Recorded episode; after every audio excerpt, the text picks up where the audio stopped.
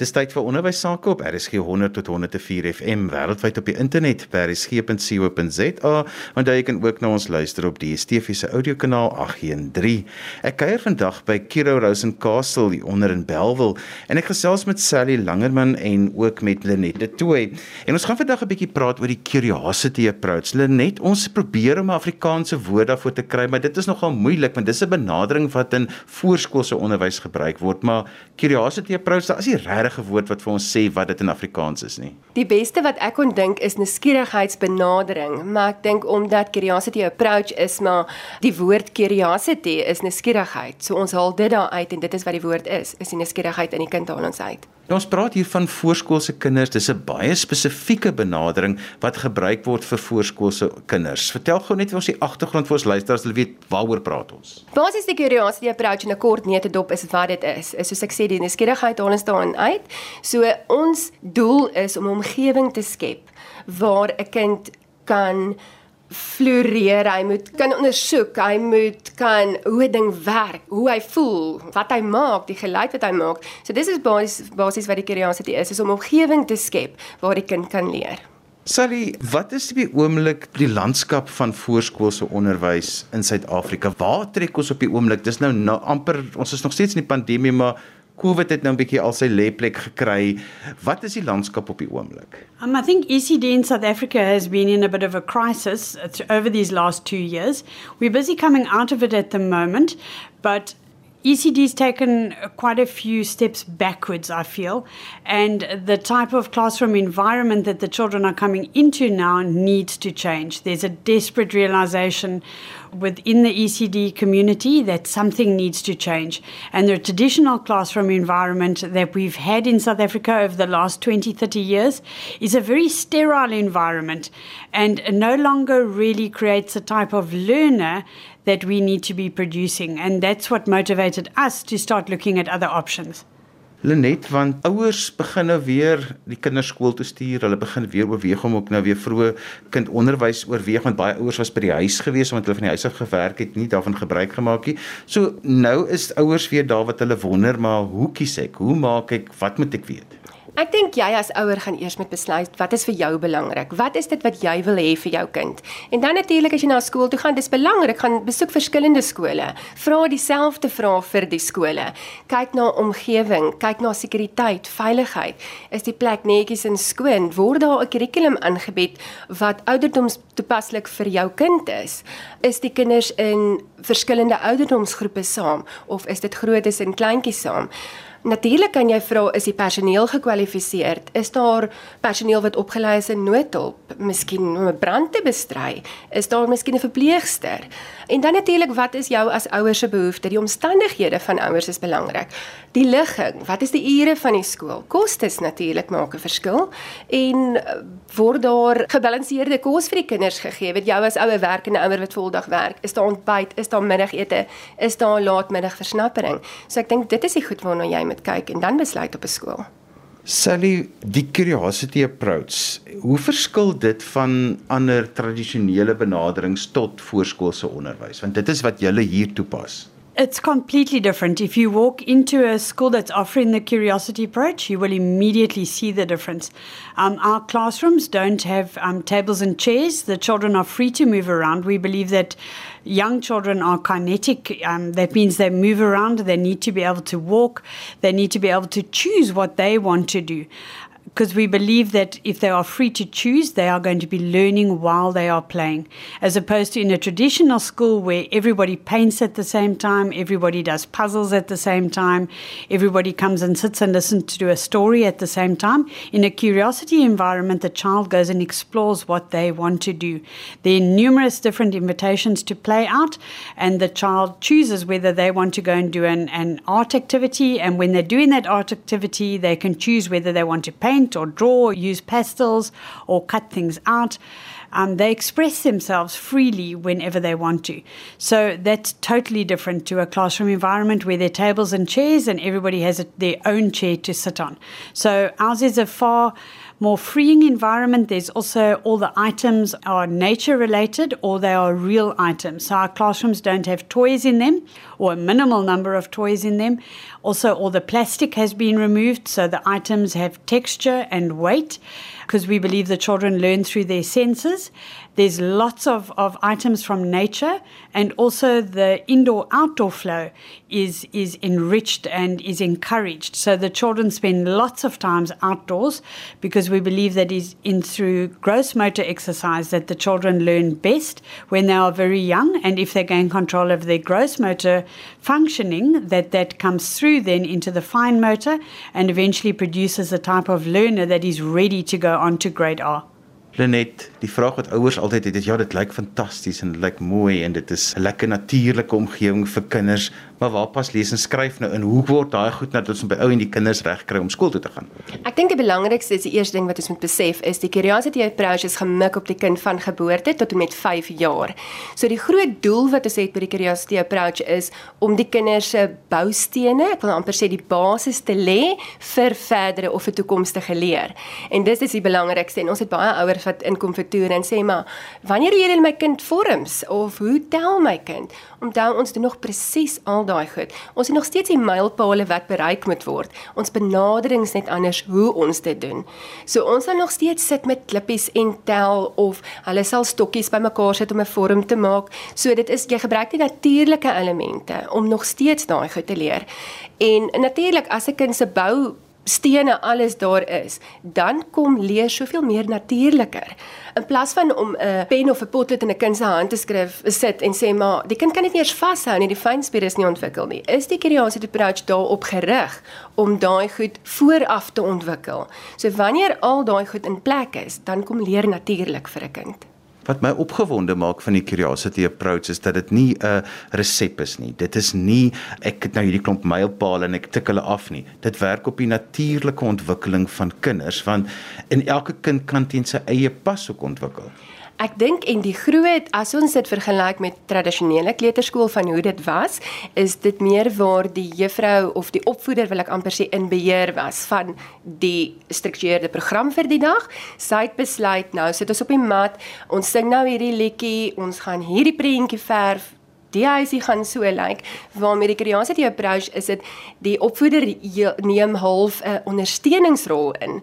Die kind lei en dan is die opvoeder by om te kan help of dit nou met woordeskat is of met idees is om die kind se eie potensiaal te kan bereik en te ontwikkel. Sal ek wil vir jou tweelei vraag vra. Julle is nou al 'n rukkie besig hiermee. Aan die een kant wil ek graag weet, hoekom het julle hierdie benadering gekies vir julle 1 tot 5 jariges? En julle is nou al 'n rukkie aan die gang daarmee. Wat is die resultate?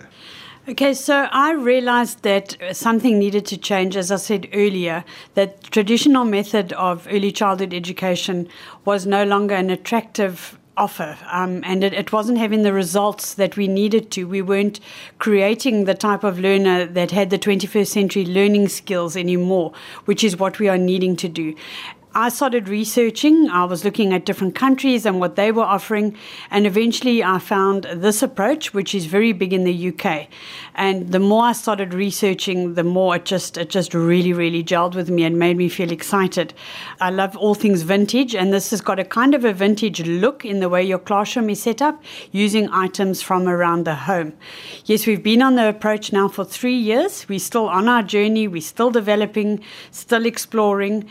And what we found with our learners that have now come through on this approach and gone into grade R, which is on the CAPS curriculum and using Kira's Enrich curriculum as well, is our type of learner has changed completely. To give you the feedback that I've received from our grade R's, is that they've seen an enormous change.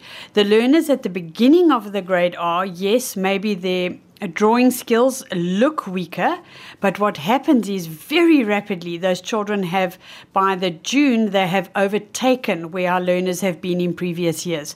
So while they might not be have been that exposed to holding a pen and drawing on paper and sitting at a chair and table, they've got all of those skills in their back pocket. So as soon as they then find themselves in a formal learning environment, they absolutely take off.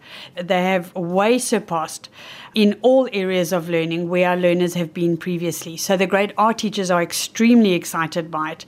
Um, they cannot believe the skill set that these uh, little boys and girls have got when they come to the environment. It's very exciting. Lenet, ek wil by jou weet, mense hoor altyd dis belangrik dat kinders moet speel, maar mense verstaan nie altyd hoe gebeur die leer wat deur speel ontwikkel word nie. Ja, ek dink leer gebeur deur speel derentyd heeldag lank. Al wat die groot verskil is met die curiosity approach is die opvoeder is 'n ondersteuningsrol. So wanneer ons speel, is dit haar verantwoordelikheid om leergeleenthede deur speel vir die kinders uit te sit. Dit klink nou half snaaks, maar selfs as hulle gaan buite speel, dan moet sy seker maak dat daar aktiwiteite is of dit nou is waar die kinders moet bou, konstruksie, meetpas, sortering, patrone daai is net 'n slim idee van hoe jy dit moet gaan uitsit dat daar leen geleenthede vir die kinders is. En dan maak dit nie saak of die kinders die helfte van die dag buite speel nie. Solank hulle leer deur speel, dan het ons ons doel bereik. Net hoe kontroleer julle die kinders se vordering? Want dit klink vir my na 'n redelike informele benadering. Dit berus baie sterk op die onderwyseres se vaardighede om hierdie leer te kan fasiliteer. Maar mense is maar altyd bang dat my kind gaan tussen alles nou deurval en nie raak gesien word nie.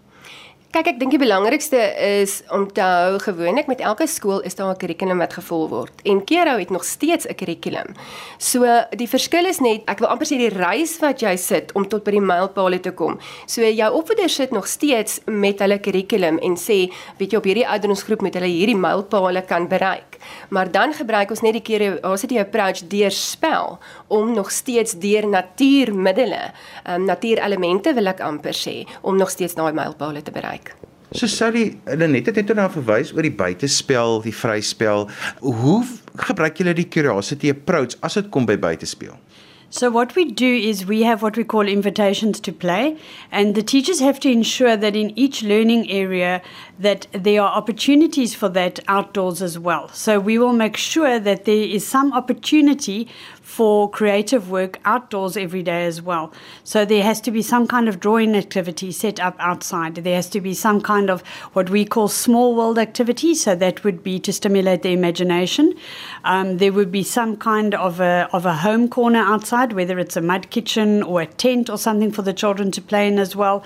There's obviously the climbing activities, they're pulling and pushing activities. All of those areas need to be represented outdoors. So whether the children are inside in the classroom, they have exposure to those activities as well as outdoors. So there's a continual flow from indoors to outdoors.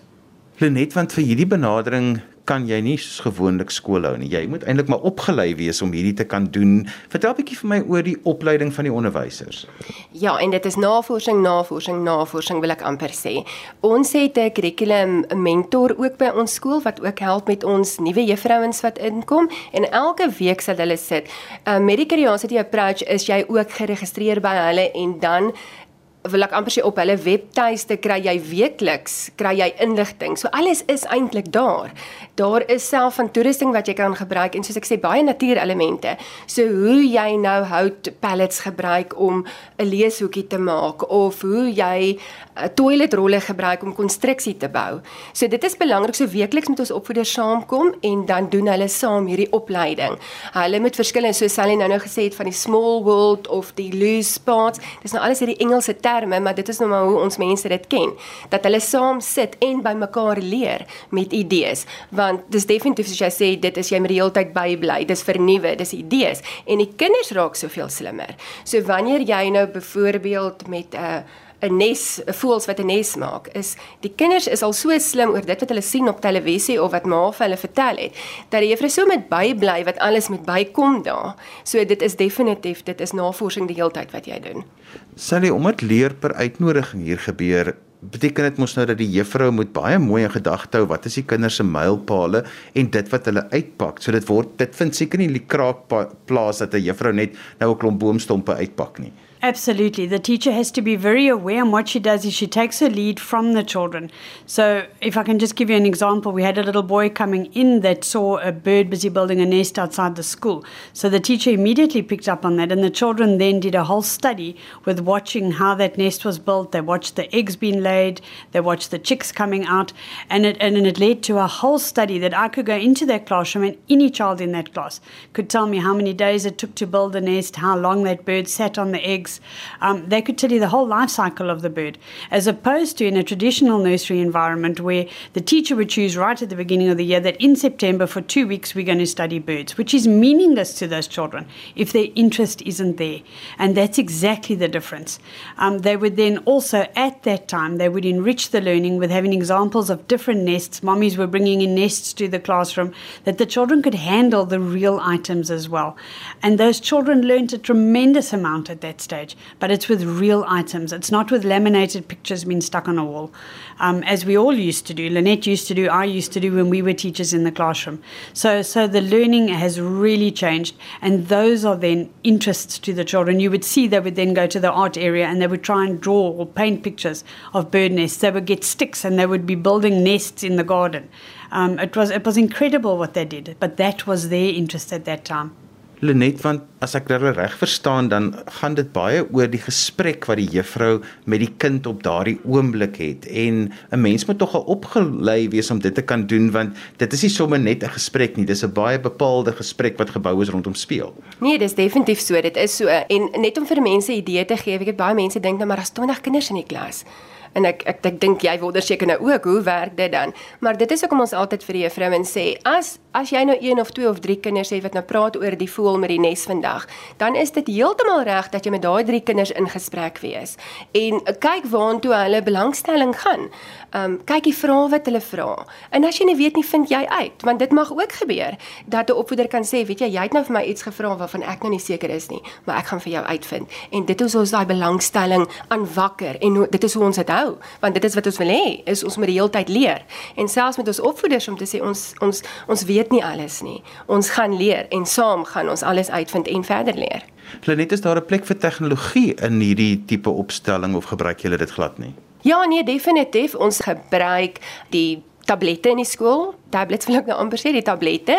So dit is waar die verslae opkom van die kinders, dit is waar die juffrouens aan notas kan maak wat sy want 'n mens kan tog nou nie alles onthou nie. So ons het ook joernale wat ons hou en ag as hy optel met 'n kind se woordeskat hier, ehm um, spraak daar, miskien wiskunde hierso, dan is dit notas wat sy maak, maar ja, ons gebruik definitief die tegnologie oor.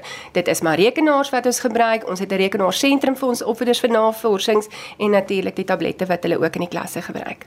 Um, we also, the teacher, if she's doing a study with the children, she can also pull up YouTube clips as well that are appropriate um, on the certain studies that they're doing, and the children are able to watch those immediately, which is great to enrich the learning further. Um, our grade R children obviously also have access to the whiteboards and the technology that goes with that, um, where they can bring up uh, subjects of interest, um, as well as then also their robotics programs and that, where they have access to the laptop. So it definitely it, it increases as the children get older. Iets wat altyd vir my uh, nogal baie keer hartseer is van jou voorskoolse klasse is dat hulle nie genoeg ruimte het nie. Maar vir benadering soos die alhoewel jy nou die stoele en die tafels uitgegooi het, moet 'n mens seker genoeg ruimte hê om om hierdie alles wat die kinders oor nuuskierig is daar te kan hê. Absolutely. The curiosity approach in the UK are very big that the your area, your learning area should look like a home environment. And that's the other fundamental difference between our classrooms that they're not allowed to look like a classroom. It needs to look like a warm inviting home environment. They speak very much about the huggy principle. So so yes, you do need to have space. We are very blessed in our school that we have lots of space and each of our age groups have their own distinct playground area. So it can be set up specifically for that that area with equipment that they can use. So, yes, you do need space. Shared playgrounds are very difficult when you've got different age groups of children and you each need to sort of spend half an hour on the playground and then all come back into your classroom again. We do have that free flow that the teachers can go out for two hours if they want to and then come back inside and go back out again 20 minutes later if the children want to go back outside. So, yes, space is, is a problem if you don't have it. Lenette met so 'n kantnota soos wat mense verskil, het jy mense wat hou van 'n meer vryer benadering wat meer op kinders se natuurlike ontwikkeling geskoei is. Ander mense voel weer veiliger in 'n baie gestruktureerde benadering waar ek my temas vir die jaar kan kies en ek kan doen en dit toepas. So hoe hoe vind ervaar julle dit met die onderwysers? Is dit 'n maklike kopskuif wat hulle maak of is dit tog 'n pad om te stap? Weet jy, ek kan definitief vir jou sê ons is 3 jaar in en dit is 'n pad om te stap. Want waar jy tradisionele opvoeders is, maar ek was self een vir 20 jaar in 'n klas, jy het jou Thomas vooruit, jy is gemaklik wat jy aanbied. Waar nou het jy half hierdie Ek wil amper sê onsekerheid. Ehm um, gaan ek seker maak dat ek kan die mylpale bereik. So en almal is daardeur en almal voel dieselfde. Maar wanneer jy hierdie pad stap en jy sien, weet jy dit is die boustene wat jy mee besig is. Jy doen al hierdie dinge om dit saam te bring op die einde van die dag dat die kinders gereed is vir graad R om dan te leer. Maar definitief laat 'n mens onseker is en jy wonder hoe dit gebeur, dit is so. Maar ek wil amper sê net jy moet net die bedradings bymekaar kry en en dan is jy op die regte pad. Sally, ek weet baie van die voorskoolse skole doen redelike volledige assesserings van die kinders, alselfs hier van 3 jaar af wat hulle 'n verslaggie gee en so. Hoe word dit binne die Curiosity approach gedoen? Um, we're still using our exact same report system that we used before the Curiosity approach, um, our same assessing tool that we're using. It's just the way that it's assessed is completely different. So the teacher watches far more from a distance to see what the child is doing naturally. And then she'll sit at the end of the day and she'll mark off what she's actually observed. So it's more observation based than actual formal assessment based. She never sits with the child and says, now what shape is this, what shape is that. So it's throughout the day, she will notice and observe what the child is doing. So the parents are receiving exactly the same reports that they do. We have um, parent feedback meetings at the end of every term. So the parents are, are very well um, aware of at what stage their child is. Um, we have the occupational therapists in our building. We have speech therapists who come. We've got a play therapist who come. So if any intervention is needed, we like to intervene as quickly as possible to ensure that the children are, are holistically ready when they go into grade R. Julle is nou altyd baie passievol oor hierdie benadering. So wat staan vir julle uit wat julle nou al bereik het met hierdie benadering op 'n persoonlike vlak, Lenet? Hoekom jy sê ons is passievol daaroor? Ek dink die groot verskil is in die kinders wat 'n mens sien. Ek wat natuurlik met die personeel ook werk kan sien hoe opgewonde hulle is. Die die verbeelding van die personeel en die kinders.